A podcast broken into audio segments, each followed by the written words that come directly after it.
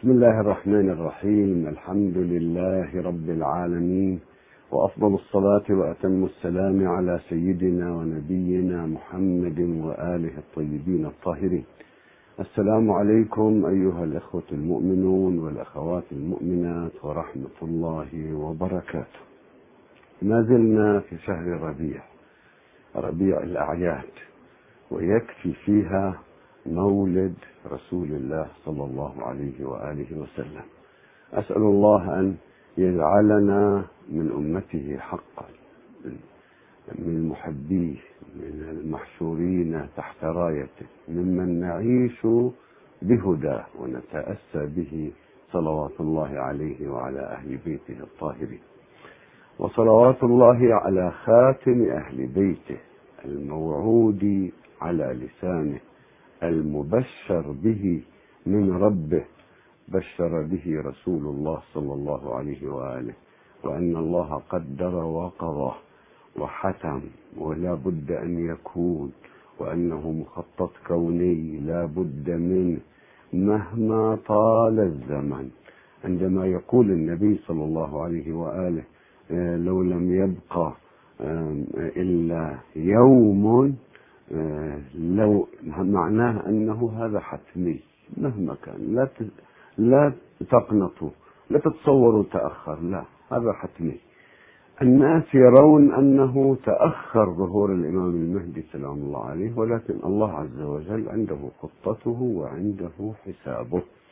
قدر وقضى عز وجل أنه يتم الدين الذي بدأه على يد رسوله المصطفى صلى الله عليه وآله. ختم به الأنبياء ختم برسالته الرسالات ختم بكتابه الكتب. جعله مصدقا لما بين يديه ومهيمنا عليه.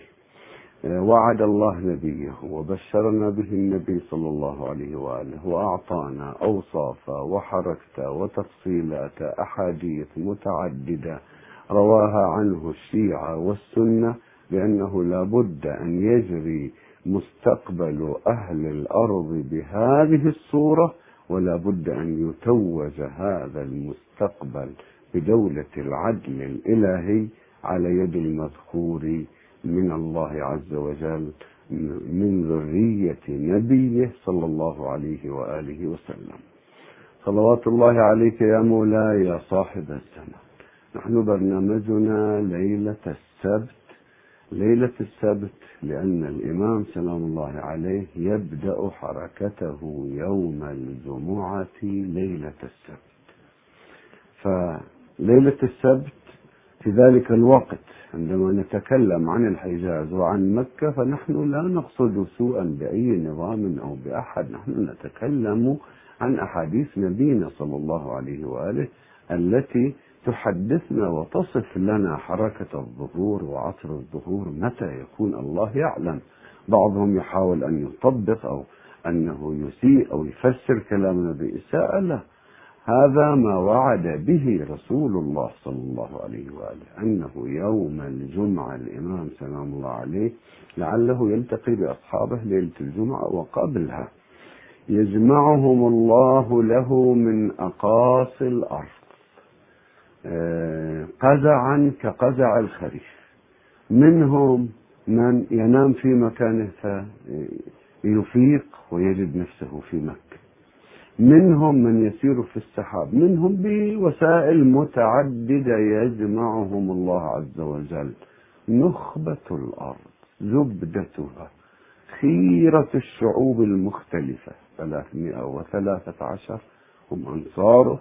صلوات الله وسلامه عليه يلتقون مع بعضهم فكأنما هم بنو أخوة لأب وأم ويلتقون بسيدهم روح له الفداء الذي لابد أنهم عاشوا معه. إن لم يكن بعضهم رآه قبل ذلك فقد عاشوا معه. يلتقون معه ويتحرك يوم الجمعة وليلة الجمعة يسيطر على مكة سلام الله عليه. والأحاديث تقول أنه في وقتها يكون فراغ سياسي في الحجاز والجيش اليمني يدخل اليمن تكون بيد الإمام سلام الله عليه حاكمها أحد أصحابه والجيش اليماني يدخل ويأخذ مكة للإمام سلام الله عليه. هذا ليلة السبت يوم السبت في صبحها. ويكون يوم عاشوراء الإمام سلام الله عليه يطلق بيانه إلى العالم بلغاته. طبعا لا يستوعب كل لغاته لابد اللغات الأساسية أربع خمس لغات العالمية يخاطبهم بها وهو آه، يجيد تلك اللغات أحسن من أبنائها بلهجاتهم بأدبهم بلغته العظيمة. يخاطبهم صلوات الله وسلامه عليه ويتواصل. هذا وعد الله الحتمي. لا نستعجل التوقيت ولا نيأس. نأمل على يقين على ميعاد من ربنا ووعد وبشارة نبينا صلى الله عليه وآله وسلم. في هذه الفقرة قبل أن أبدأ بالإجابة على أسئلتكم. نستعرض بشكل مجمل ماذا تكلم القرآن عن مستقبل اليهود؟ اليهود مسألة أساسية. الذي يقرأ القرآن يقول لماذا أعطى أهمية؟ طبعا في العصور السابقة كان هذا السؤال أشد أنه نلاحظ أن الله عز وجل أعطى حجما لليهود في القرآن كبيرا جدا. مع أنهم كانوا قلة. ومعركة خيبر أنهتهم وبني قريظة وخيبر معارك صغيرة. في زمن النبي صلى الله عليه وآله أكبرها خيبر. انتهوا انتهى أمرهم. وما كانوا يشكلون خطر بلى هم الذين يشكلون الخطر. الله أعلم بهم منا. في القرآن الكريم خمس فقرات تتعلق باليهود. نحاول أن آه، نعطي فكرة عامة عنها.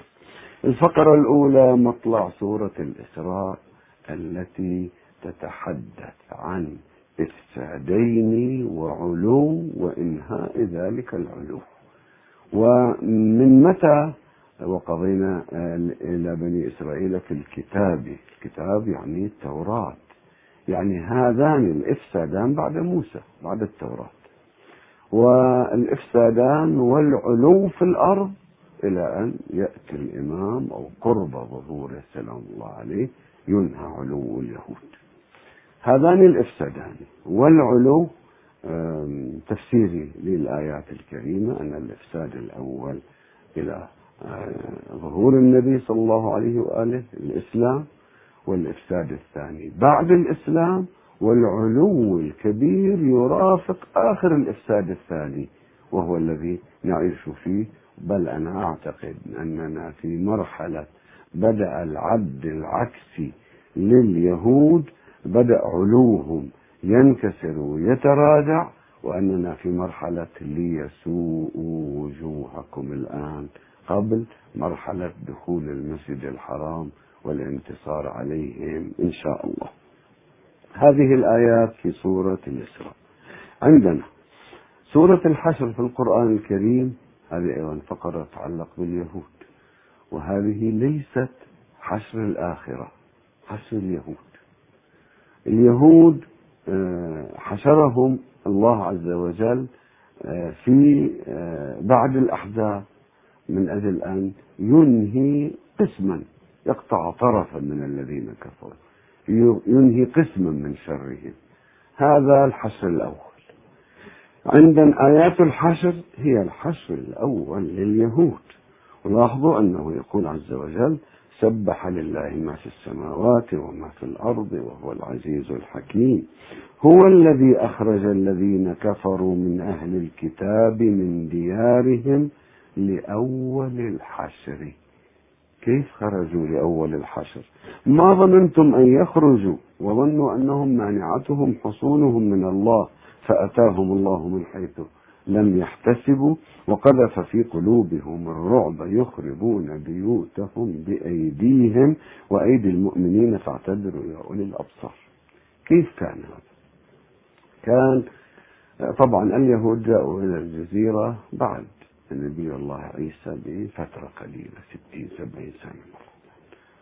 وجاءوا سكنوا في جزيرة العرب لأنه عندهم مما أخبرهم الله به على يد موسى عليه السلام أن النبي العظيم الكبير العالمي سيخرج من بلاد العرب من جبال فاران. فهم جاءوا ليسكنوا في الجزيرة حتى يكون النبي من أولادهم. هذا تصورهم. جاءوا وسكنوا في وادي القرى في قرب تيماء في تيماء في خيبر في المدينة آه، في نجران في اليمن آه، في نفس مكة. آه، بعضهم يقول مثل محمد حسين هيكل أو غيره أنه لم يكن يهود في مكة وأن قريش ما كانت تقبل كانوا موجودين في مكة. وقضية الحاخام يوسف الذي رووا موقفه وذعره من ولادة النبي صلى الله عليه وآله وسلم وغيره وغيره اليهود كانوا موجودين أيضا في مكة. كيف خرجوا لأول الحشر ومتى؟ بعد حرب الأحزاب. ما هي حرب الأحزاب؟ اليهود كانوا حصونا. مجموعات يشتغلون أكثر شيء الصياغة الذهب بالربا بالتجارة بغيرها يعملون. ولهم حصون ومناطق. ومتحالفين مع القبائل يعني حسن جوار أيضا مع القبائل لهم عهود مع قبائل العرب. ولما هاجر النبي صلى الله عليه وآله وسلم إلى المدينة وقريش بكبريائها جاءت إلى بدر وانكسرت كسرة ثم صارت أحد أحد كانوا يعتبروها تعادل. و وعدلنا ميل بدر فاعتدل هذا شعرهم يقول. لماذا؟ لأنه الجولة الأولى في الحرب كانت للمسلمين الجولة الثانية كانت للمشركين فاعتبروها أنه واحدة بواحدة. اليهود يعرفون أن ميزان القوة بالمستقبل للنبي صلى الله عليه وآله ولذلك هم بادروا. بادروا أخذوا زمام المبادرة. ستين حاخام وفي رواية أربعين حاخام. تجمعوا ركبوا من خيبر وقريظة وغيرها وراحوا إلى مكة. ووصفت الروايات والسيرة كيف نزلوا قسموهم ونزلوا. وانتدب لهم قريش بعددهم مفاوضات فوضوهم. وكان مشروعهم أنه لابد أن نحرك كل العرب ونجمع الأحزاب ونقصد المدينة ونحن أيضا ننضم معاكم ونقتلع بني عبد المطلب.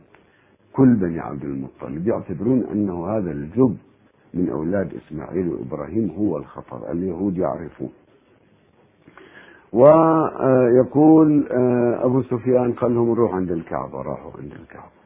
آه، سألهم عن أصنامنا قالوا أنتم دينكم أحسن من دين محمد. وأنتم آه، تقرون الضيف أنتم كذا أنتم مدحوهم وعاهدوهم على حرب محمد واستئصاله واتفقت معه قريش. ثم تحركوا إلى الطائف إلى نجد جالوا على هواد على قبائل العرب كلها جالوا عليهم. جاهين وفد من بني يهود. ماذا يريدون؟ يريدكم تساعدون قريش على محمد. ونحن نعطيكم. أعطوا بعضهم ذهب بعضهم وعدوهم بنصف تمر خيبر. واستقبلتهم قبائل استقبلتهم ومعهم مشروع قريش قابلة ونحن نريد أن نساعد قريشا على استئصال ابنها وأتباعه وأنصاره. لم يكن في تاريخ الجزيرة مثل حرب الأحزاب استطاع اليهود أن يجمعوا. طبعا أبو سفيان كان هو القائد العام بالاسم لكن المحرك والمخطط اليهود. ستة وثلاثين ألف مقاتل. جزيرة العرب كلها في وقتها لعل عددها مليون وكسر لأن مكة غاية ما استطاعوا أن يجندوا قريش بعشرين فرع من قبائل قريش أربعة آلاف. هذه القبيلة تجند كذا تجند كذا. جمعوا في رواية ستة وثلاثين ألف هؤلاء اللي حاصروا المدينة. لما حاصروا المدينة وكان وقعة الخندق أو الأحزاب الأحزاب تجمعت. اليهود خافوا خافوا أن ينصروهم. قالوا يمكن ينكسرون هؤلاء. ونحن آه، آه، عندنا عهد ومواثيق مع محمد وموقعين عليها والتعايش صلى الله عليه وآله. لكن بعدين غلب فيهم. لا لازم نساعد قريش. وكعب بن الأشرف كعب بن الأشرف اللي سووه عربي والذي أراد أن يقتل النبي صلى الله عليه وآله والذي إلى الآن حصنه في المدينة لا يمس قرب بلدية المدينة. حصن كعب بن الأشرف كاتبين زعيم عربي يهودي هو. أراد أن يقتل رسول الله صلى الله عليه وآله وبعث له قتله وهو كان محرك من محركي الحاخامات الأساسيين محركين لحرب الأحزاب. المهم هو جاء بالعهد الذي كتبه مع رسول الله صلى الله عليه وآله ومزق جمع اليهود ومزق إلى الحد. المهم أنه استمر حصار الأحزاب أسبوعين. أسبوعين لما صارت المبارزة. أخيرا عبر عمرو بن العاص عمرو بن ود عبر مع تسعة عبروا الخندق. عبروا الخندق إلى جهة المسلمين. وكانت كانت كان الوقت باردا. عندنا نص عن حذيفة رحمة الله عليه يقول أنه النبي صلى الله عليه وآله إذا بالليل وقال من ينهض ويأخذ لنا خبر القوم؟ قل ما أحد جاب. يقول حذيفة هنا؟ قلت له كأنه يمون على حذيفة. النبي صلى الله عليه وآله على بعض حواريه يمون فقال له لماذا لم تجب؟ قال يا رسول الله الضر والقر. يعني هم مريض تعبان هم برد. قال له تعال اخرج. اخرج عبر الخندق بالليل واعبر ازحف وشوف لنا أخبارهم. ويذكر قصة رحمة الله عليه ودعا له رسول الله صلى الله عليه وآله وكيف راح وكيف عبر وكيف زحف حتى وصل إلى أطناب خيمة أبي سفيان. وسمع مفاوضاتهم وكلامهم ورجع أعطى الخبر لرسول الله صلى الله عليه وآله. لما عبروا هؤلاء أيضا النبي صلى الله عليه وآله نادى أين؟ من لعمر وأنا أضمن له على الله الجنة. كلهم سكتوا. كلهم كلهم. تصدى عليه السلام قام عليه. قال له أجلسه ثم مرة ثانية ثم مرة ثالثة. المهم نهر. أمير المؤمنين عليه عليه السلام. وهو غير راكب لفرسه. عمله بعمامته أعطاه سيفة دعا له انطلق انطلق. أمام عمرو بن ود وثمان فرسان معه خلفه. وكانت الوقعة الآن ليس لا يتسع المجال. المهم بقتل عمرو بن ود والضربة اللي يقول فيها رسول الله صلى الله عليه وآله لضربة علي يوم الخندق تعدل عند الله عبادة الثقلين؟ ليس مسألة عادية. وقتل ابنه وقتل أولئك إما شردوا أو قتلهم. عمرو بن ود وابنه والأخ وأولئك الآخرين. المهم أنه بعد أن بذل النبي جهده وأمير عليه السلام حقق هذا النصر اهتزت قلوب المشركين الله بعث لهم هواء جنود. جنود وريح بعث لهم هواء اليهود خافوا. بالأول خافوا. ثم خرجوا. خرجوا. لما رجع النبي صلى الله عليه وآله وسلم الله أمر أن هؤلاء اليهود هم المحركين. فلما خرجوا شافوهم خارجين من حصونهم للقتال. فخروجهم من حصونهم للقتال هو معناه مقتلهم لأن اليهودي ما يستطيع أن يخرج من حصنه. الآن أي معركة تكون مع اليهود يجروهم إلى منطقة أخرى مثل جرهم إلى لبنان أو غيرها هم لا يستطيعون أن يقاتلوا إلا من أماكن محصنة. دبابة ذهب تحصينها مناطقهم أيضا يذهب تحصينها هذه قاعدة. سورة الحشر تتكلم عن أول الحشر. أول حشر اليهود هو الذي أخرج الذين كفروا من أهل الكتاب لأول الحشر. إذا آخر الحشر متى يكون؟ آخر الحشر في عصرنا. ألف وخمسمائة سنة أربعمائة وكسور سنة بين الحشر الأول والحشر الآخر. لاحظوا الحشر الثاني كيف يتجمعون؟ الله عز وجل يقول في سورة الإسراء 104 وقلنا من بعده لبني إسرائيل اسكنوا الأرض. توزعوا بالعالم. فإذا جاء وعد الآخرة جئنا بكم لفيفا وهناك ناس من اليهود غير صهيونيين يقولون أن أصل تأسيس إسرائيل غلط وأنه هذه حركة كنا نحن في العالم نافذين واقتصاديا وتجار وكل الدول تحترمنا الآن نحن نجمع أنفسنا هذه الحركة الصهيونية. تريد أن تجمع اليهود إلى مقبرتهم. هم يعرفون لا يمكن لدولة أن تعيش تقتص تقتطع جزء من بلاد المسلمين وتهجر أهلها وتسكن مكانه وما يتحملون هؤلاء. الآن أيضا بدأ العد العكسي بدأ الانخفاض. وإذا صار ضربة ثانية لإسرائيل مثل الضربة الأولى تكاد تخلو إسرائيل ما يبقى فيها إلا القلة يقبلون حينئذ بأي حل وتعايش مع المسلمين. هؤلاء مترفون. هذا الحصر الثاني. فإذا جاء وعد الآخرة جئنا بكم لفيفا لفيفا مجموعات مجموعات. الآن حركتهم في السفر إلى إسرائيل ويسمون العودة والرجوع. مجموعات مجموعات لفيفة. يرجعون إلى إسرائيل. هذا هو وعد الله عز وجل للقضاء على علوهم. وتتبير ما علوا تتبير ما علوا التتبير السحق الكامل. آه، والتبر سمي تبرا لأنه ناعم ومسحوق. التتبير أشد من التدمير. هؤلاء عباد لنا الذين وعدهم الله عز وجل بهم لابد أن يمروا بمراحل من الصراع معهم آه، فإذا جاء وعد الآخرة ليسوءوا وجوهكم.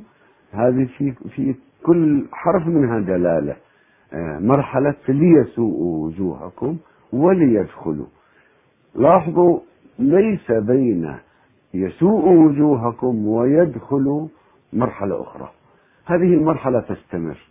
مرحلة أنه مباشرة معكم مع وجوهكم خلقتكم يلعب بخلقتكم ويتواصل هذا الوضع الأذى لهم لا يمكنهم لا أن يمنعوا آه، آه، صواريخ غزة ولا لبنان ولا غيرها ولا العمليات ما يمكنهم هذا لأنه يسوء وجوهكم يعني من مباشرة في حالة مباشرة من الأذى لليهود لابد أن تستمر وتتنامى وأخيرا يكون على أثرها دخول المسجد.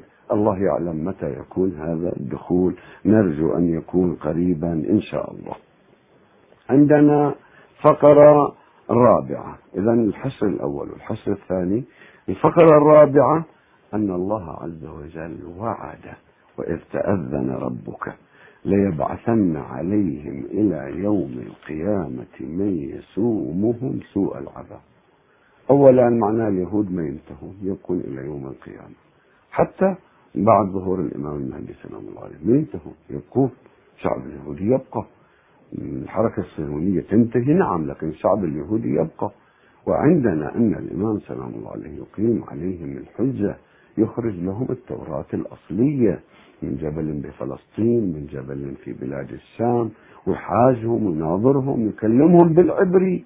ويقيم عليهم الحجة. وعندنا نص رواه الشيعة والسنة أنه في مجلس واحد يسلم يؤمن على يد الإمام المهدي سلام الله عليه ثلاثون ألف يهودي.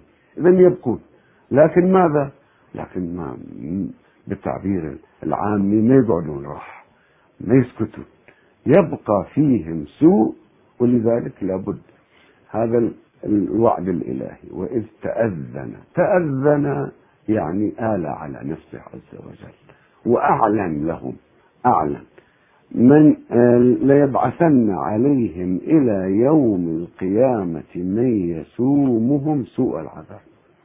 هؤلاء آه، فيهم شريرين حتى بعد أن يخضعوا للإمام المهدي سلام الله عليه يبقى ناس فيهم شريرين ويحتاجون إن عدتم عدنا. ولا بد أن يقضى عليهم. بعد هؤلاء الله يصف حالتهم بعد أن يبقى. وقطعناهم في الأرض أمما منهم الصالحون ومنهم دون ذلك. وبلوناهم بالحسنات والسيئات لعلهم يرجعون. فخلف من بعدهم خلف ورثوا الكتاب يأخذون عرض هذا الأدنى ويقولون إلى آخره لاحظوا والذين يمس يمسكون يمسكون بالكتاب وأقاموا الصلاة إنا لا نضيع أجر المصلحين إذا يبقى منهم فئة ولو مؤمنة قليلة. إذا اليهود يبقون والقرآن لا يقول أنهم سيبادون ولا النبي ولا الأئمة عليهم السلام ولا هذا من هدفنا نحن. إخضاع مسألة أخرى. انتزاع حق منهم. تتبير ما علوا موضوع آخر. لكن هم سوف يبقون كما أخبر القرآن الكريم.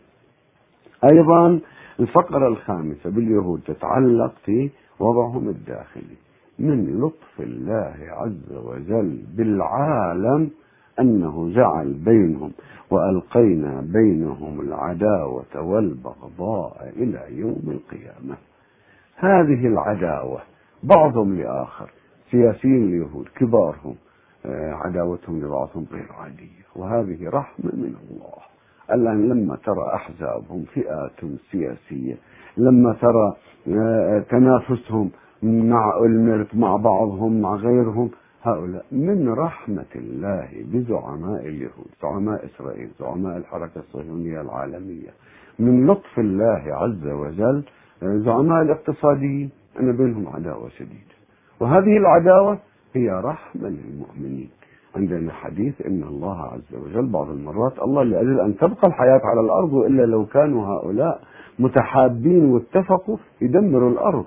لازم يظل في صراع فيما بينهم. من هذا الصراع يكون هناك هامش للمسلمين وهامش لإضعافهم. هذه أيضا الفقرة الخامسة التي تصف أنه الوضع الداخلي لليهود آه، هو الوضع الداخلي لهؤلاء هو العداوة والبغضاء. طبعا هذه الفقرات الخمس آه، هذا مرور عام آه، وما يتصل بها كثير كثير. حتى لو أردنا أن آية وحدة مثلا وقضينا إلى بني إسرائيل في الكتاب لتفسدن في الأرض مرتين. قضينا أي نوع من القضاء. ولماذا سموا بنو إسرائيل؟ ولماذا سموا اليهود؟ وبني إسرائيل يعقوب يعني عبد الله بني عبد الله واليهود لأنهم قالوا هدنا إليك عبدوا العجل وقالوا تبني ولكن عجل الذهب إلى الآن في قلبهم. يقولون بعض يسأل كيف يعبدون العجل؟ يقول نعم عجل الذهب. عجل الذهب محبوب.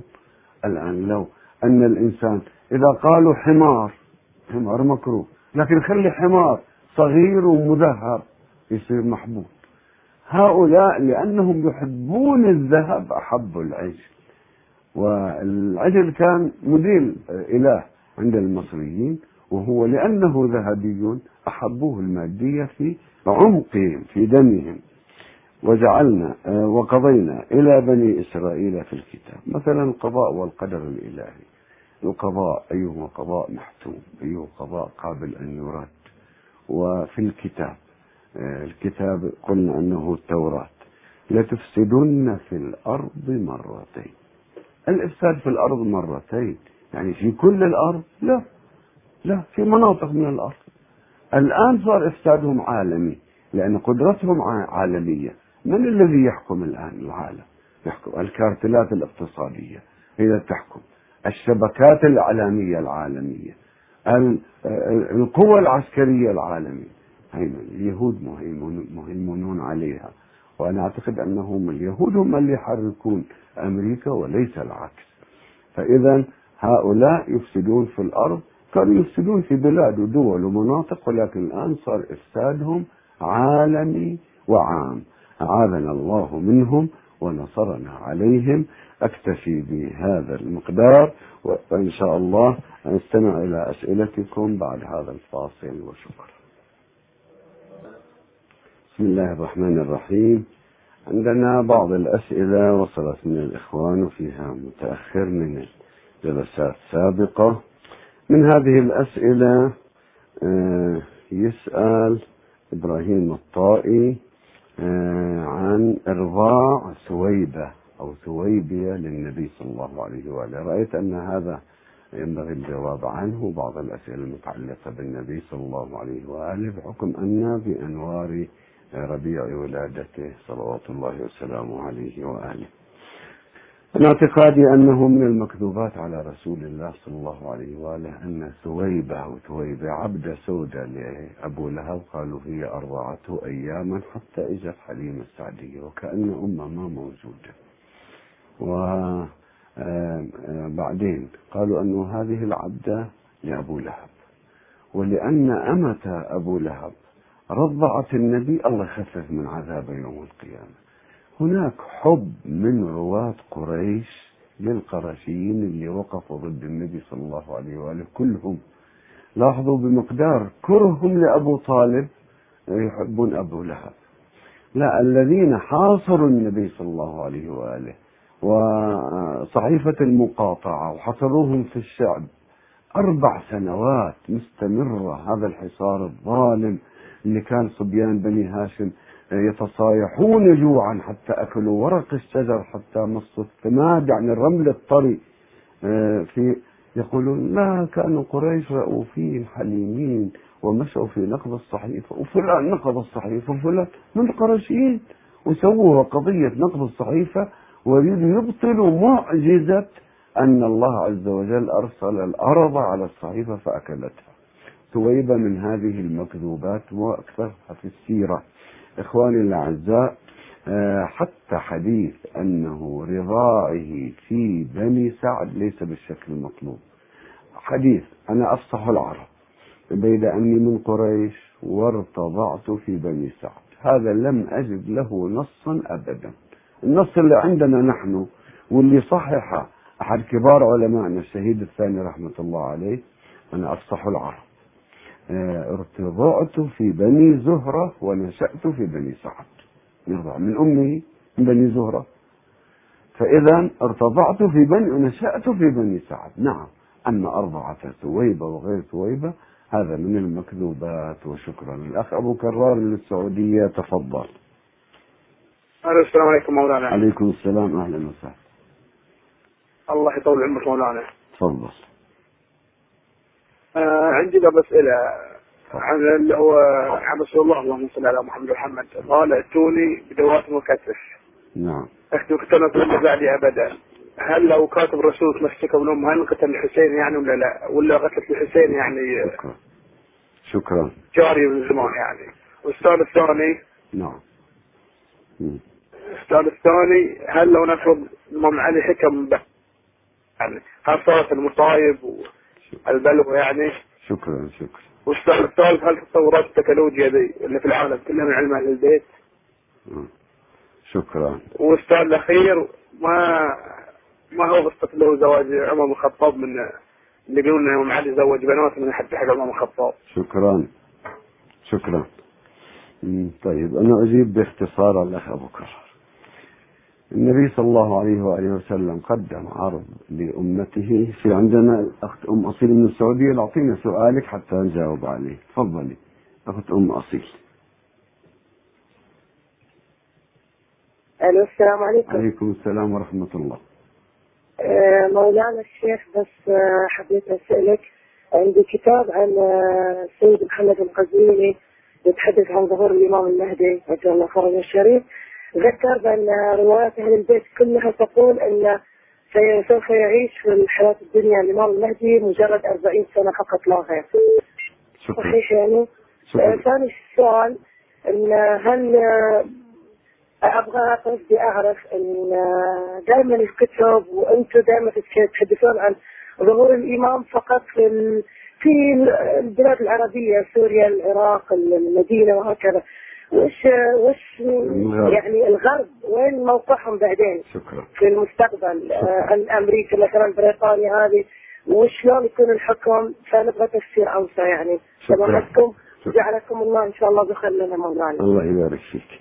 الأخ أبو كرار. آه، ما عرض النبي على أمته كما عرض رسول الله صلى الله عليه وآله. لما قال لهم ائتوني بدوات وقرطاس وأكتب لكم كتابا لن تضلوا بعدي أبدا. يعني التزموا لي بتنفيذه.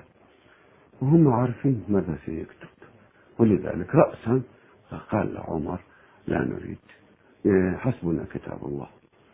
الآن الآن القذافي قال حسبنا كتاب الله نريد السنة. ماذا صنعوا فيه؟ عمر قال حسبنا كتاب الله ما نريد تكتب لنا شكرا ما نريد واختلفوا والطلقاء حاضرين حاضرين أنفسهم تماما. طلقاء كانوا القرشيين بعد فتح مكة حوالي خمسة آلاف نسمة سكنوا في المدينة ويعملون لأخذ حكم النبي بعده بوضوح. فلا ما لا نريد لا. القول ما قاله عمر وسووا هرجة إلا أن طردهم النبي صلى الله عليه وآله. لو أنهم التزموا له وكيل كان مسار السفينة اختلف.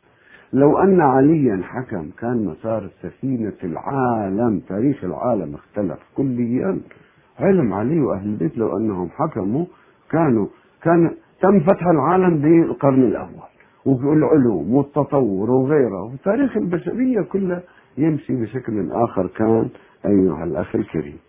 هل أن التكنولوجيا الفعلية من علوم أهل البيت عليهم السلام هذا لا نقوله نحن نقول أن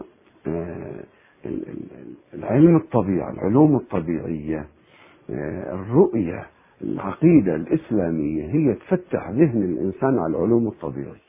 وقد قدم النبي والأئمة عليهم السلام أصولا متعددة لهذه العلوم.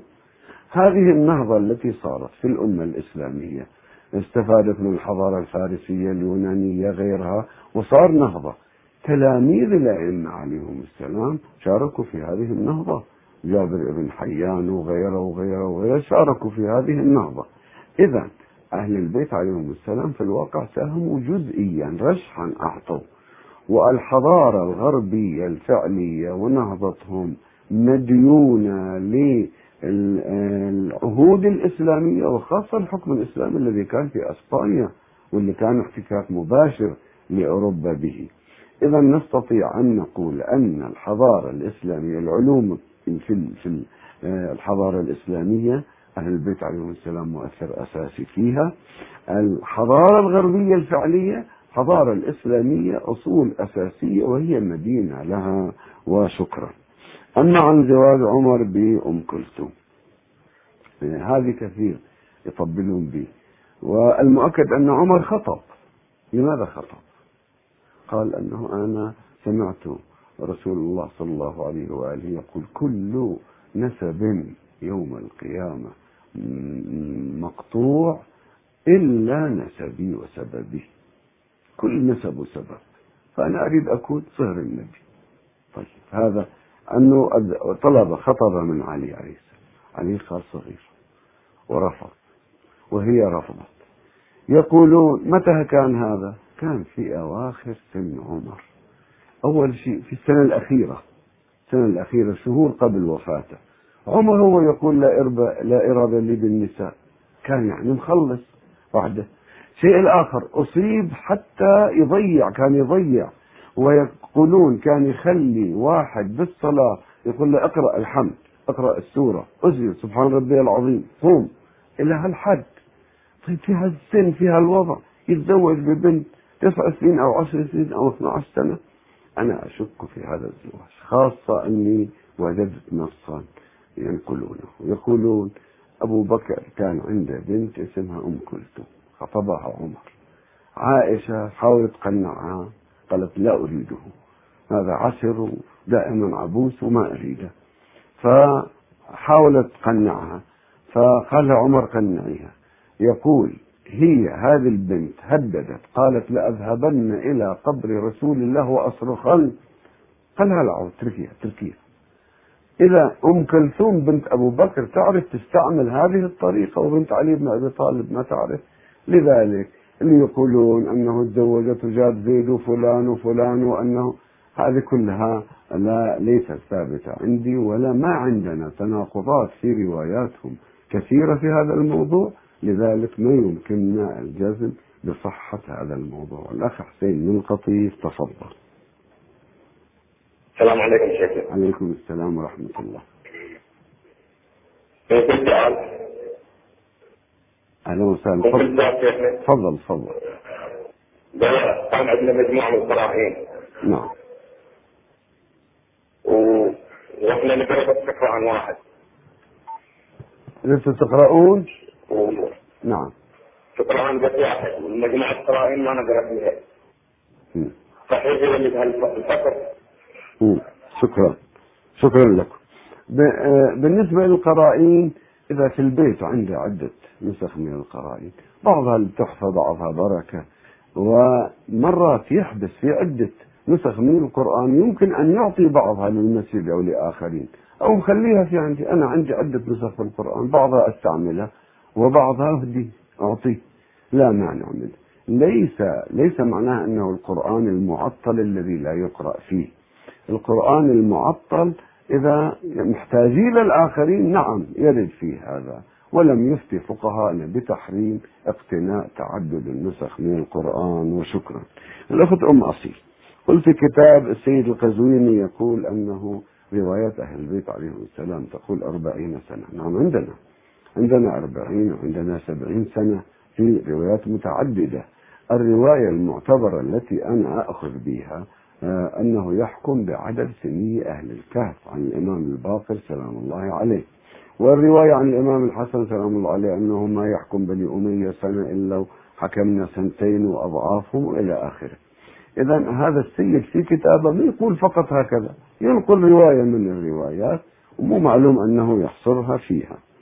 أما سؤالك أنه طيب الإمام المهدي سلام الله عليه يظهر في الحجاز والعراق ويتحرك إلى الشام والقدس وكيف يكون. أول ما يبدأ من هذه المنطقة. وفي ثمانية أشهر الإمام سلام الله عليه كل البلاد العربية والإسلامية تستجيب له وتكون دولته. فإذا بثمانية أشهر حركة غير عادية موج موج شعبي من الآيات وبرغبتهم. وعندنا في أفريقيا عندنا حديث أنه في حاكم في أفريقيا يسلم الدولة للإمام سلام الله عليه. وعندنا أنه أهل مصر يبعثون له الرايات وهو في العراق تركيا كذلك غيرها. إذا الإمام سلام الله عليه أول يقيم دولته في المنطقة. لما يقيم دولته في المنطقة يتأهب الغرب الروم يتأهبون لحربه.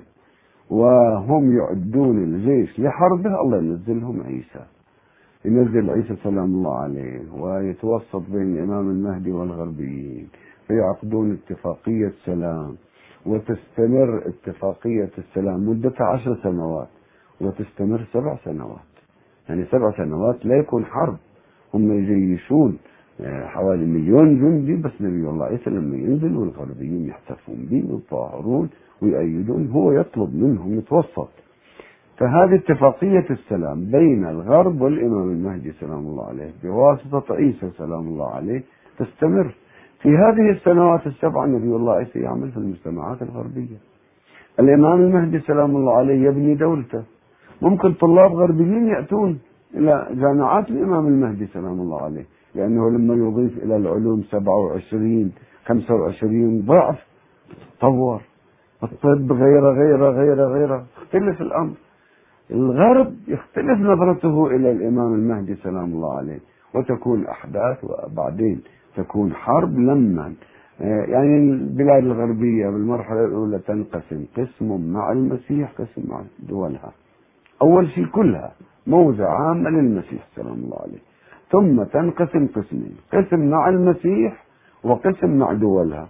أخيرا الدول تقرر ان الامام تقاتل الإمام المهدي سلام الله عليه المسيح يتخذ موقف إلى جنبه علنا ويأتي ويصلي خلفه وتكون حرب عالمية مهمة بعدين الإمام يدخل هو المسيح إلى المدن الرومية ويستقبله بالتكبير إلى آخره. الأخ أبو زينب من البصرة تفضل. له السلام عليكم السلام ورحمة الله. آه، سماحة الشيخ عندي سؤالين تفضل. الحقيقة. تفضل. آه، أبو زي- أبو زينب بن البصرة نعم نعم أهلا وسهلا. آه، سماحة الشيخ. نعم. آه، هل هل أنه صار الإمام المهدي؟ نعم. يعني غير مثل 2013 نعم. يعني هل واللي هم راح يصيرون طبعا من عامة الناس؟ مم. هل من الممكن أن يكونوا يعني من أهل المعاصي والكبائر؟ أم إنهم أناس مؤمنون أتقياء؟ مم. بس هو ببقية أصحاب الأئمة يعني ال- ال- بقية الأئمة سلام الله عليهم. شكرا شكرا. طيب. سؤال ثاني نعم. نعم. سؤال. السؤال الثاني ما هي العلة الإلهية من وجود حجة لله على خلقه في كل زمان؟ ظاهر مشهور أو غائب مستور شكرا. شكرا لكم. نعم سمعت فهمت. فهمت. أولا الأخ أبو زينب من البصرة أقول الله إن شاء الله آه، يستر البصرة من آه، من إراقة الدماء. والله يعطي إن شاء الله العقل سواء هؤلاء المسلحين والحكومة والمسؤولين أنه يحلوا هذه المشكلة بيسر وسلامة والبصرة مستهدفة. آه، مستهدفة من كثير من الشر إن شاء الله تنجو من هذا الشر. وأنا أعتقد أن مثل حركة أحمد الحسن وغيرها هي من نوع هذا التحريك. من نوع هذا التحريك والبصرة من المنبع النفطي للعراق أكيد أنه سيكون مستهدف لكن أهل البصرة الحمد لله أثبتوا جدارتهم وكفاءتهم من أيام أمير المؤمنين سلام الله عليه وثبتوا على خط ولاية أهل البيت عليهم السلام وإن شاء الله تآلفهم والله يعينهم على مشكلاتهم وهذه المشكلة خاصة. أصحاب الإمام المهدي سلام الله عليه عند الأصحاب الخاصين 313 هؤلاء كل واحد منهم عنده الاسم الأعظم ليسوا ناسا عاديين بعدين في مكة سلام الله عليه هو يختار. يختار يتحرك من مكة بعشرة آلاف أو خمسة عشر ألف. هو يختارهم ينتخبهم. من يختار؟ ثم يتحرك من المدينة إلى النجف كذلك بأكثر ألوف. يختارهم ليس معناه أنه هؤلاء معصومين. بس معناه أنهم مقبولين عند الإمام. المهم أن يكون الإنسان بعقائده بسلوكه بوضعه خيره أكثر من شره وأن يصل في تقواه في تدينه إلى مستوى القبول عند الإمام. سلام الله عليه. هؤلاء يكونون أصحابه. الأخ محمد من البحرين تفضل. السلام عليكم شيخ. عليكم السلام ورحمة الله. شيخنا عندي سؤال بالنسبة إلى الغلاء. نعم. هل الغلاء من آه، من أدلة الإمام المهدي ظهور الإمام؟ الغلاء الغلاء عندنا في في العراق. ورد. الغلاء بذاته عندنا سنة كثيرة المطر. عندنا قليلة الروح. عندنا النص عن الإمام الباقر سلام الله عليه يقول بتفسير قوله تعالى ولنبلونكم بشيء من الجوع والخوف ونقص في الثمرات في الأنفس والثمرات. فإذا هذا النقص نقص في الثمرات في الأنفس هذه سنة قبل ظهور الإمام معناها في غلاء يكون فيها غلاء وشكرا إما في العالم أو في المنطقة التي يظهر فيها. سلام الله عليه. الأخ أبو عبد الله من الأحساء تفضل. ألو السلام عليكم. عليكم السلام ورحمة الله. تفضل. شيخنا. أهلا وسهلا. آه هل كيف يحسن المول هل عنده أسلحة؟ يوجهها للوهابيه في المدينة المنورة عشان يقتلونه يعني؟ لا تخاف لا تخاف من الوهابية على الإمام سلام الله عليه. شكرا لك. آه، أولا آه، عندما يظهر الإمام سلام الله عليه ويرون آيات الوهابية يدعون أنه منهم. الآن هم مطلعينهم إمام مهدي من بريدة مدة من بريدة مدة من آه، المنطقة الفلانية من الكويت. كل مرة يطلعون ويحاولون عتيب يطلعوا هذا أيضا. قالوا هذا المهدي. إذا عندما يرون آيات الإمام المهدي سلام الله عليه مختلف الفئات من المسلمين تدعي أنه منهم. هذا واحد. بعدين لما مخطط إلهي الإمام المهدي لا تخاف عليه من أحد. لأن الله عز وجل هو الذي يديره مهدي من ربه ونعم عند أسلحة عند أسلحة متطورة مضادة لها الأسلحة عند دول بأسلحتها اليمن وإيران يكون معه بما فيها من قوتها وأسلحتها قوتها البشرية وأسلحتها. تكون معه سلام الله عليه وعنده المعجزة آه، سلام الله عليه. فإذا ما يخشى عليه من هذه الناحية. يبقى عندنا سؤال الأخ أبو زينب. علة وجود حجة لله. نحن نعتقد أنه في كل عصر لا بد أن يكون لله في أرضه حجة إما آه، ظاهرا مشهورا وإما خائفا مستورا وهذا تعبير أمير المؤمنين سلام الله عليه. هذا ضرورة. الحجة وجود الحجة ضرورة. يدل عليه عند كل المسلمين أن النبي صلى الله عليه وآله كما قال في سنن ابن داود وغيره إني تارك فيكم الثقلين كتاب الله وعترتي أهل بيتي. آه، وقد نبأني اللطيف الخبير أنهما لن يفترقا حتى يردا علي الحوض. لن يفترقا. يعني في كل عصر ما دام القرآن موجود في من عترة من أهل البيت إمام في كل عصر. هذا معناه.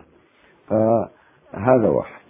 وجود الإمام في كل عصر يصورون مثل وجود العقل الذي يميز بين الحواس. آه، والله عز وجل آه، كشف لنا عن ضرورته.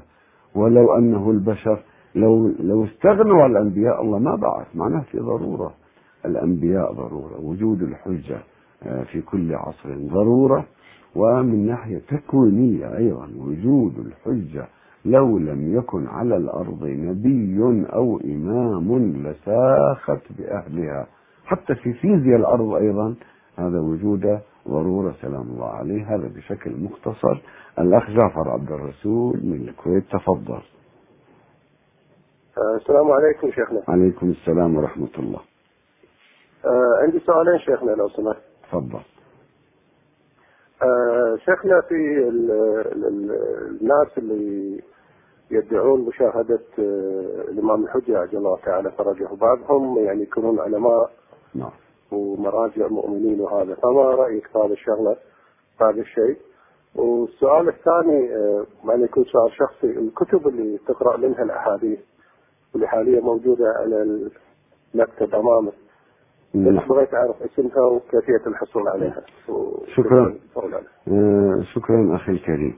أولا هذا المعجم المفهرس لألفاظ القرآن الكريم لأنه كان عندنا سؤال حول إسناد الفعل الإلهي ما اتسع المجال حول قوله عز وجل فعلت فعلنا. متى يقول فعلت متى يقول فعلنا آه، وهذا المعجم المفارس لألفاظ القرآن الكريم وهذا كتاب المعجم الموضوعي لأحاديث الإمام المهدي سلام الله عليه في موقع أن تستطيع أن تأخذ ملفا من النيت وشكرا. وأما سؤالك أنه إذا قال أشخاص علماء أبرار أنهم رأوا الإمام سلام الله عليه صدقهم صدقهم وأنا أنا قاطع بهذا هذا صحيح. ال- الكلام هؤلاء اللي يدعون أن الإمام دزني الإمام أرسلني الإمام كلفني الإمام سفارة للإمام. إذا قال وصل لي رسالة صار سفير الذين يدعون أي نوع من الارتباط الشخصي هؤلاء كلهم كذابين إلا أن تأتون بمعجزة. لكن يدعي واحد بار صالح. رأيت الإمام سلام الله عليه سألت استفدت منه ما يدعي مقاما؟ ولا يقول كلفني بشيء.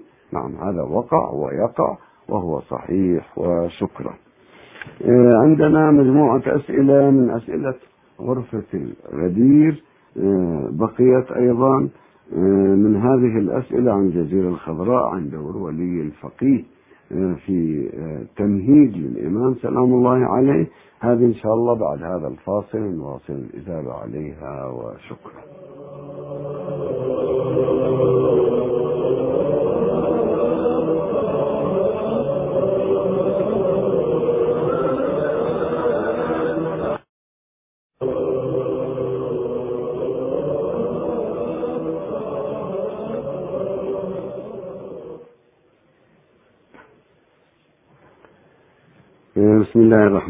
الرحمن الرحيم أيضا عندنا أسئلة بالإيميل نجيب عنها. إحدى المؤمنات تقول أنا مدرسة في مدرسة وللبنات قلت لهم صلوا على محمد وعلى محمد رفعوا صوت المدير اعترضت علي اعترضت علي حاشا من هذا أنه لا هذه بدعة. رفع الصوت بالصلاة على النبي وآله صلى الله عليه وآله بدعة. ويعتبرون رفع الصوت الجهر بالبسملة بدعة أهل البيت عليهم السلام أصروا على ذلك. الجهر بالبسملة عندنا من أصول مذهبنا وأصل الموضوع ليش؟ ليش يخافون من البسملة آه الله أمر النبي صلى الله عليه وآله بمكة ارفع صوتك بالبسملة كانوا يخافون منها يرتعبون. فصاروا يخافون. عندنا الطلقاء يخافون من البسملة لكن ليش أتباع بني أمية يخافون منها؟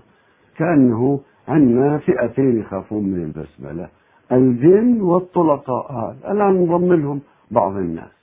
رفعوا الصوت بالصلاة على النبي وآله من هذا النوع. لا مانع منه. لكن آه عزيزاتي المؤمنات أنتم المدرسين المدرسات أنا أعرف أنه حتى على في مدارسنا في بلادنا في السعودية حتى في المدرسة التي كل طلابها شيعة يدرس يجبرون على أنه درسوا الفقه الوهابي والسلفي وتكفير الرافضة والبدع وما شابه يفرضون علينا منهجهم ومذهبهم وهذا غير طبيعي في أي بلد من بلاد العالم. يقولون نحن عصريين ونحن متحضرين ومواطنين ولا فرق بالمواطنة والمواطن يتساوى مع المواطن ليش هذا الإجبار إذا؟ مع ذلك أنتم داروا الوضع احتراما للحكومة لأن متبني إن شاء الله مشروع إصلاح وإن شاء الله تصل إليكم حقوقكم. آه، أيضا عندنا سؤال عن الطينة التي خلق منها النبي صلى الله عليه وآله. رسول الله صلى الله عليه وآله نور خلق قبل خلق الخلق من نور عظمة الله عز وجل. ما نعرف؟ بعدين الطينة اللي خلق منها. نحن عندنا آه أنه آدم خلق آه من طينة الأرض. وأن الله بعث جبرائيل أخذ سبع قبضات. من أي؟ من سهل الأرض جبلها وحزمها سهلها ووعرها. كيف؟ أي نوع من التراب؟ وكيف صنع ذلك التراب في المصنع الإلهي؟ وكيف سواه قالب أبونا آدم؟ وكيف نفخ فيه الروح؟ ثم كيف حل فيه نور النبي صلى الله عليه وآله وسلم هذه عوالم عندنا أحاديث كثيرة وأنه طينة الإنسان آه، الذرة التي صنع بدنه منها. آه، ذرة الإنسان لما يتكون حويمن وبويضة منين يتكون من الحويمن والبويضة؟ في عندنا قسم موروث من الأبوين قسم من غذائهما. أنواع من الوراثة والجينات. هذا أيضا تسمى طينة المخلوق منها. عندنا أيضا يعبر بالطينة. آه، سؤال سأل أحدهم الإمام الصادق سلام الله عليه يا ابن رسول الله هل يبلى جسد ابن آدم في القبر؟ قال نعم يبلى جسده إلا طينة مستديرة ذرة مستديرة هي الطينة التي خلق منها. كأنه هذه الذرة هي الأصل تحمل جيناته ليغرس ولينشأ بالنشأة الأخرى على حسب عمله. يعني نحن بعملنا الآن نصنع جينات أنفسنا للولادة الجديدة التي سنبعث فيها. هذا باختصار. الأخ سعيد من السعودية تفضل. السلام عليكم شيخنا عليكم السلام ورحمة الله. عندي سؤالين. تفضل. اللي هو آه، النفس الذكية اللي في مكة. نعم هل ينتسب إلى أهل. أهل البيت ولا يعني آه، شخص يعني معروف؟ وارد عندنا أنه سيد حسني وشاب صغير السن من بيت هو أهل البيت ولا سيد حسني من أهل أهل البيت عندنا يعني معصومين من ذرية الإمام الحسن أيوة. سلام الله عليه. آه شكرا. أهلا بكم. بعد كان عندك سؤال آخر. طيب. طيب. آه، عندنا بعض الأسئلة. آه، الأخ هذا الأسئلة الإخوة من غرفة الغدير. هذا إنسان يقول ما هو دور ولي الفقيه في ترتيب ظهور الإمام المهدي سلام الله عليه؟ آه، ناخذ اتصال من الأخ أبو عبد الله من دنمارك تفضل تفضل السلام عليكم. عليكم السلام ورحمة الله. شيخ نعم. شيخ لو سمحت آه، سؤال عندي تفضل هل آه، الموتى يعلمون بظهور المهدي؟ عجل الله فرجه؟ نعم شكرا. عندنا أحاديث أن بعض الموتى يتباشرون به في قبورهم وبعضهم إذا هو أهل يحيى ويكون من أنصاره. نعم الموتى يصلهم من أخبارنا بس ليسوا على حد سواء. وبعضهم يسمح لهم بزيارتنا في الشهر مرة بالسنة مرة إلى آخره. الموتى منهم من يتباشرون بظهور الإمام سلام الله عليه نعم ورد ذلك. طيب آه، الكلام عن سؤال هذا الأخ إنسان عن دور ولي الفقيه في التمهيد للإمام. أول شيء يتصورون أن الإمام سلام الله عليه حركة سياسية يحتاج لمن يمهد لها لا. في تمهيدات طبيعية الله أخبر عنها. تمهيد قوم بالمشرق تمهيد أوضاع العراق والروم كيف تأخذ العراق تمهيد كيف علو بني يهود يبدأ بالانكسار. هذه تمهيدات ربانية طبيعية. يتصورون أنه لا نحن نقوم بحركات سياسية حتى نطلع الإمام المهدي. أو بعدين ليس الأمر هكذا. هؤلاء الحركات مثل جند السماء وأحمد الحسن وأمثاله هذا منهم. لا الإمام قال هم مهدود كذابين. هم عندهم مشروع يقولون نحن الإمام كلفنا. الإمام لم يكلف أحد. ولا يتصور هؤلاء الغربيين أو الوهابيين أنه ولي الفقيه يعني السيد القائد الخامنئي الآن هو حركة يقود دولة بعدين هو يدعي الإمام المهدي أو يدعي أنه طلع من إيران كما هم يصور ليس الأمر هكذا أبدا. الإمام المهدي سلام الله عليه قضية ربانية أعظم. جبرائيل ينادي من السماء. إذا ما نادى جبرائيل من السماء باسم الإمام المهدي سلام الله عليه كل من يدعي لا تقبلوه.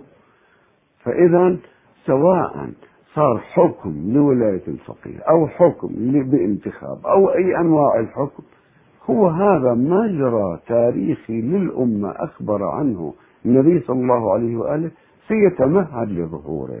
ما عندنا ارتباط جدلي أنه مقدمة وهذه المقدمة وشكرا الأخ محمد من السعودية تفضل.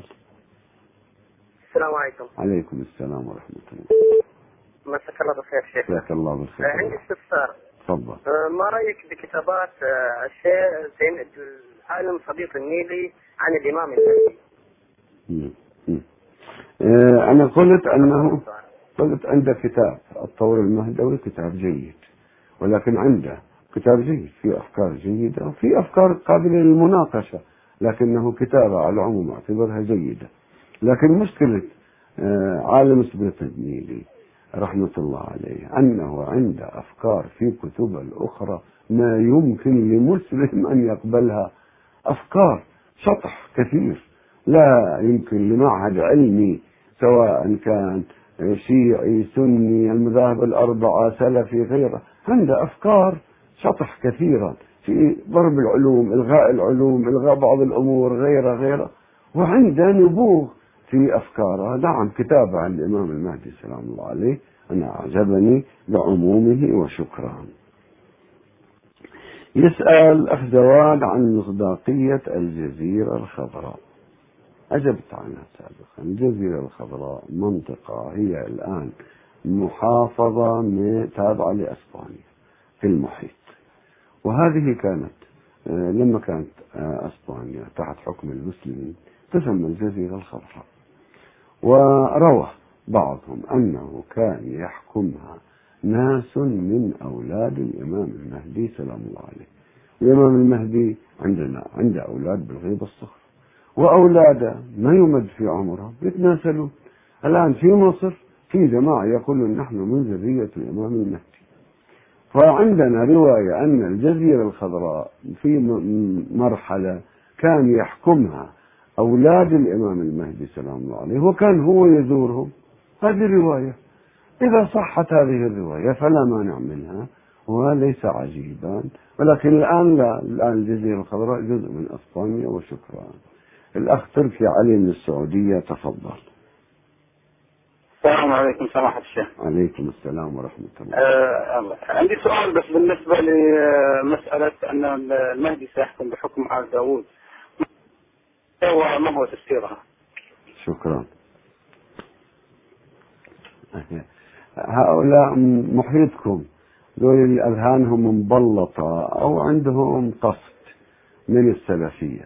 يقولون يحكم بحكم آل داوود يعني إسرائيلي.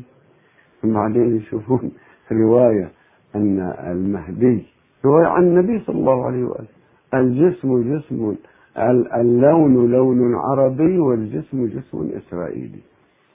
جسم إسرائيلي يعني جسم إبراهيم. آخر عندنا نحن أول شيء أن نبي الله إبراهيم وذريته مميزين حتى بشكولهم طولهم. وهذا الخط إسماعيل أيضا آه، إسماعيل مع أنه تزوج من بلاد العرب وإخوالهم لكن فيهم شكل إبراهيم. قريش كان فيها خط جب بني عبد المطلب. هؤلاء كانوا على طلعة جينات جينات آه، آه، آه، إبراهيم بيهم. يعني كلهم جينات. إسماعيل هي جينات إسرائيل عبد الله يعقوب وإسحاق. يعني من هالنمط يعني من هالمعدن. أكثر من ابن صيفي لما دخل إلى مكة رأى أولاد عبد المطلب. قال هذا غرس. الله لا غرس الناس. إذا هذا اللون لون عربي والجسم جسم إبراهيم. يعني هذا معنى جسم إسرائيل. يحكم بحكم آل داود. آه نبي الله داود حكم داود هي أصلها مو آل داود. نبي الله داود قال يا ربي كيف أحكم؟ الله أمر كما أمر كل الأنبياء أحكم بالظاهر وعليك بالبينات والأيمان. بينة على المدعي البينة. إذا ما عنده بينة بالأيمان. قال له يا ربي ما يمكن أن أحكم بالواقع. قال لا لا ما تتحملوا ما يتحملوا من الناس. يا ربي أريني. قال له طيب أول قضية تأتي أصبر لا تحكم فيها حتى أريك الواقع. فأراه الواقع في قضية مدهشة. وشاب سارق طلع هو صاحب الكرم وطلع صاحب الكرم قاتل لأبيه إلى آخره. الإمام المهدي سلام الله عليه يعني يحكم بالواقع ما يحتاج إلى بينة. من مثل النموذج اللي الله راواه إلى داود هذا معناه يحكم بحكم آل داود وشكرا. الأخ أبو محمد من السعودية تفضل. السلام عليكم شيخ. عليكم السلام ورحمة الله.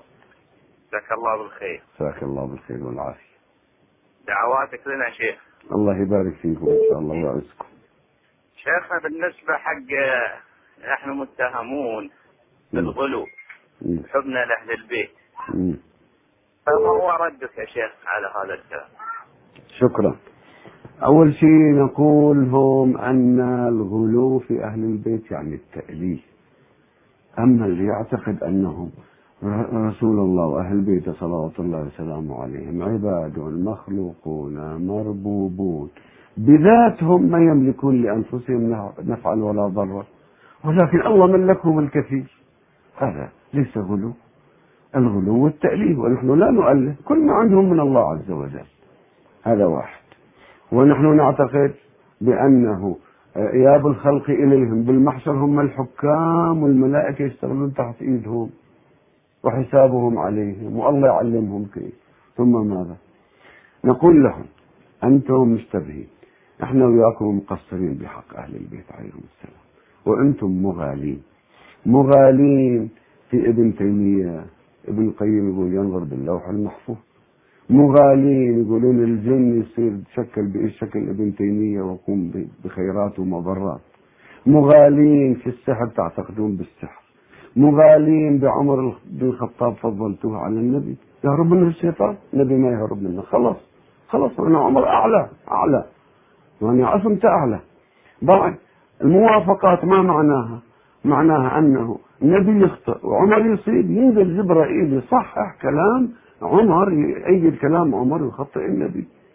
هذا غلو. هم الذين غلوا. الآن والله غلو ببن لادن وبالزرقاوي وبأمثالهم هؤلاء المتطرفين هم يغلون. الناس سمعت هم يقولون شرك وكفر إذا تركوا قبر. عندهم جماعة يمقن دهار من هؤلاء الطالبان اللي ما يعرف واحد ينظف ينظف بدنه وجهه ما يعرف يتوضأ. هؤلاء مسوي لهم مزار. أنهم ولهم كرامات. اقرأوا عن الكرامات اللي يقول أنه في مقاومة الأمريكان وكرامات وكرامات. هذا الغلو الذي عندهم. نحن ما دمنا نقول أن أهل البيت عباد لهم كرامة عظيمة عند الله. هذا ليس غلوا. بل نحن وإياهم مقصرين بحق أهل البيت عليهم السلام وهم مغالين بأنفسهم وفي من يحبون وشكران. الأخ زكي من السعودية تفضل. تفضل. حياكم الله مولانا. الله يعطيكم العافية. الله يعافيك. الله يحفظكم دعاءكم لنا مولانا. الله إن شاء الله يعزكم ويعز تفضل. الله يسلمك. بس حبينا نسلم عليك شكرا. لنا مولانا. شكرا لكم كثيرا. والدعاء للمؤمنين جيد وأنا كذلك أسألكم الدعاء. الله يوفقكم إن شاء الله ويعزكم ويعز بلاد الحرمين كلها إن شاء الله. وإن شاء الله ظلامة الشيعة ترتفع والمتطرفين الحكومة ما تسمع كلامهم ضدكم وإلى الآن. أخيرا ناصر العمر ما أعرف هذا ناصر العمر إيش عنده. ناصر العمر تارك الدنيا كلها وهو يركض ورا الشيعة. شيعة ليش؟ صار عندهم واحد شركة معمل. معمل صار عند الشيعة. صار عندهم كم موظف صار عندهم يعني يجب أن يموت الشيعة عند ناصر العمر. وما أعرف ليش. هذا هو هو, هو إنسان متوتر. وإن شاء الله الحكومة ما تسمع أمثال كلام هؤلاء المتوترين. وكما أنكم أنتم زيدين بولائكم لوطنكم وحكومتكم كذلك هي تنصفكم من أيدي هؤلاء المتطرفين. وشكرا. عندنا أسئلة كثير. من هذه الأسئلة آه، هذا اللي يقول أنه لماذا لا تتبرأوا من آه، أبو لؤلؤة؟ آه، قل لهم ماذا فعلتم أنتم مع ابن الملجم مع ماذا فعلتم مع سعد عمر بن سعد بن أبي وقاص؟ متى نحن كنا متمسكين بأبو لؤلؤة؟ أنتم متمسكين ابن أخوه عندكم.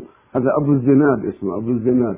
مالك يقول يقولون من يسألون مالك. يقول من روى هذه الأحاديث أن الله ينزل من السماء والله على شكل طفل وغلام وشاب أمرد هاي أحاديث الأحاديث رب المعبود الوهابي وابن تيمية.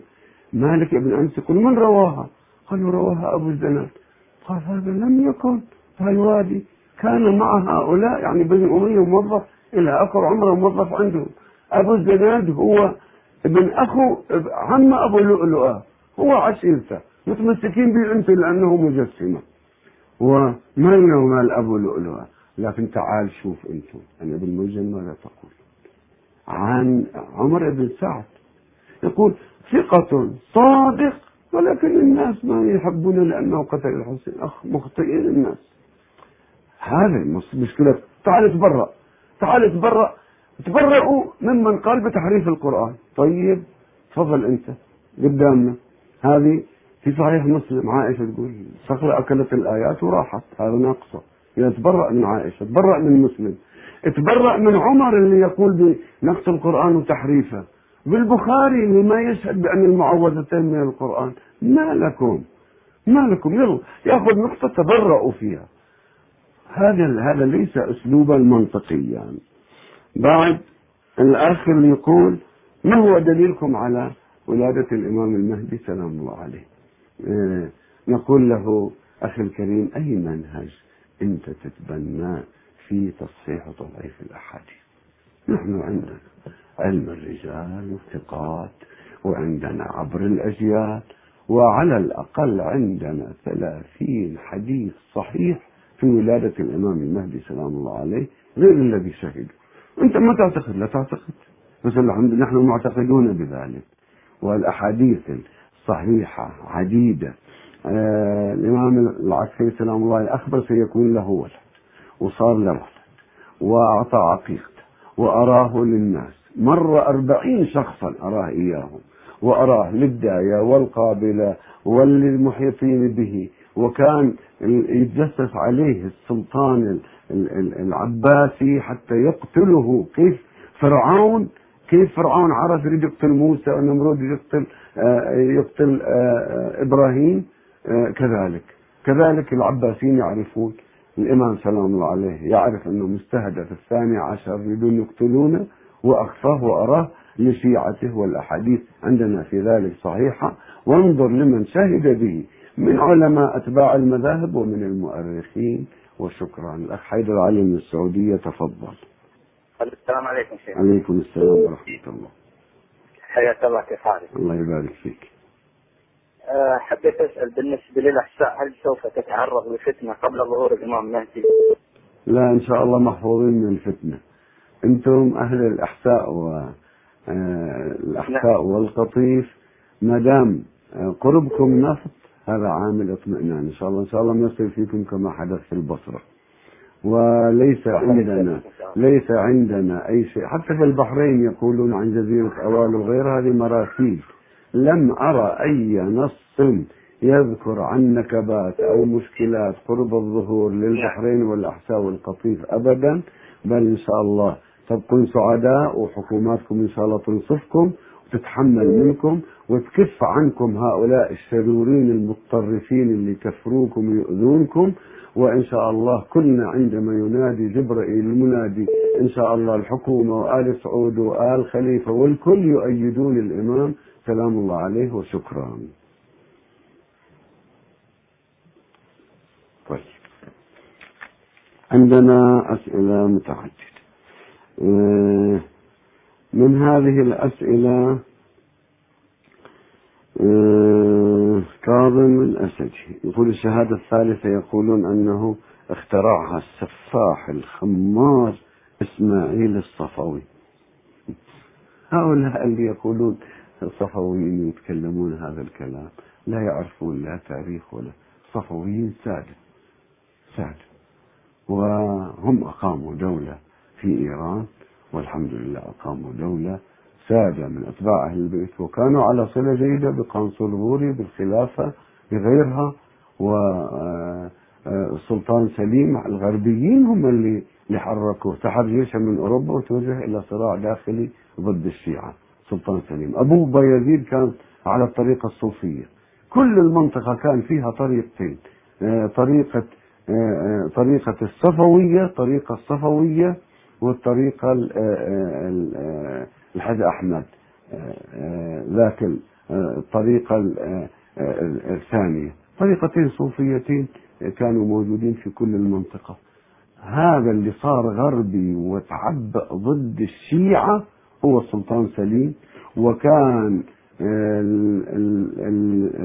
المشاور المستشار الملك الفرنسي معه في الحملة ضد الشاه إسماعيل على إيران وهنئوه إذا تحريك غربي للعثمانيين ضد الشيعة. وشاه إسماعيل هو خير من سلطان سليم ومتدين أكثر. ولماذا خمار وزمار من اللي قال ولا له علاقة هو في المذهب ولا هو يقول هذه فصول الأذان أو ليس فصول الأذان وليكن معلوما لديكم أن الشهادة لأهل البيت عليهم السلام بعد النبي صلى الله عليه وآله كانت إخفاء من الأول. عندنا قاعدة كلما شهد لرسول الله صلى الله عليه وآله بالنبوة يشهد لعلي وأهل بيته بالولاية. كيف أنت؟ لما واحد يقول الله أكبر الله أكبر. هذا معلن مستحب أن تقول شهد الله أكبر كبيرا وكبرت كبيرا لا يقاس وعظمت عظيما لا تدركه الحواس. أشهد أن لا إله إلا الله. مستحب تقول شهد بها لحمي ودمي وبصري. أشهد أن محمدا رسول الله. بس مستحب تقول وأشهد أن عليا وأهل بيته وأبنائه المعصومين حجج الله. إذا هذه مستحب إخفاء هؤلاء أعلنوها. هذا موضوع آخر. إذا هي من الأصل. حتى أنهم يروون في ترجمة فلان الضبي بالبصرة. كان في تشهده صحابي بعد الشهادة للنبي صلى الله عليه وآله يشهد لعلي وأولاده بأنهم أولياء الله. ولما نشهد أنهم أولياء الله كبيرة عليهم سيد الأولياء عليه سلام الله عليه. الأخ باقر من البحرين تفضل. السلام عليكم. عليكم السلام. جزاك الله بالخير. جزاك الله بالخير والعافية. شيخنا إحنا إحنا نسمع بأن الإمام المهدي بعد أن يظهر ويحلق الأرض قسطا وعدلا بعد ما ملئت جورا وظلما آه يقتل. نعم. هل هذا صحيح؟ وإذا فإذا وإذا قتل. فهل ستقوم القيامة حيث أن الأرض يجب أن لا تخلو من حجة؟ شكرا. اولا أخي الكريم اولا أنه ثابت عندنا أن دولة أهل البيت عليهم السلام دولة العدل الإلهي التي يقيمها الإمام المهدي تمتد إلى يوم القيامة. لا يكون بعدها ظلم أبدا.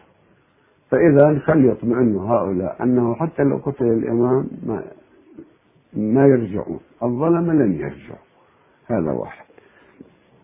عندنا ما عندنا نص بأنه يقتل الإمام المهدي سلام الله عليه. وهذا الحديث اللي يقول تقتله امرأة لها لحية وغيره ولدت وما تولد وما شابه لا لا وجود له لا في مصادر الشيعة ولا في مصادر السنة. الإمام المهدي سلام الله عليه يحكم طويلا وعندنا نص عن الإمام الباقر بعدد سنية أهل الكهف. ويتوفى ربما يسام. أو يتوفى وفاة طبيعية. بعد ثلاث قرون تكون تطورت الأرض انفتاح على العوالم على الآخرة على السماء. في وقتها يرجع الإمام الحسين عليه السلام هو يصلي عليه وهو يحكم بعده في برنامج إلهي طويل عريض تمتد دولة العدل الإلهي الله يعلم مئة ألف سنة بعد الإمام المهدي سلام الله عليه. صلوات الله وسلامه عليه. وعجل الله تعالى فرجه. وفرج العالم به وجعلنا من أعوانه وأنصاره ومقوية سلطانه والسلام عليكم ورحمة الله وبركاته.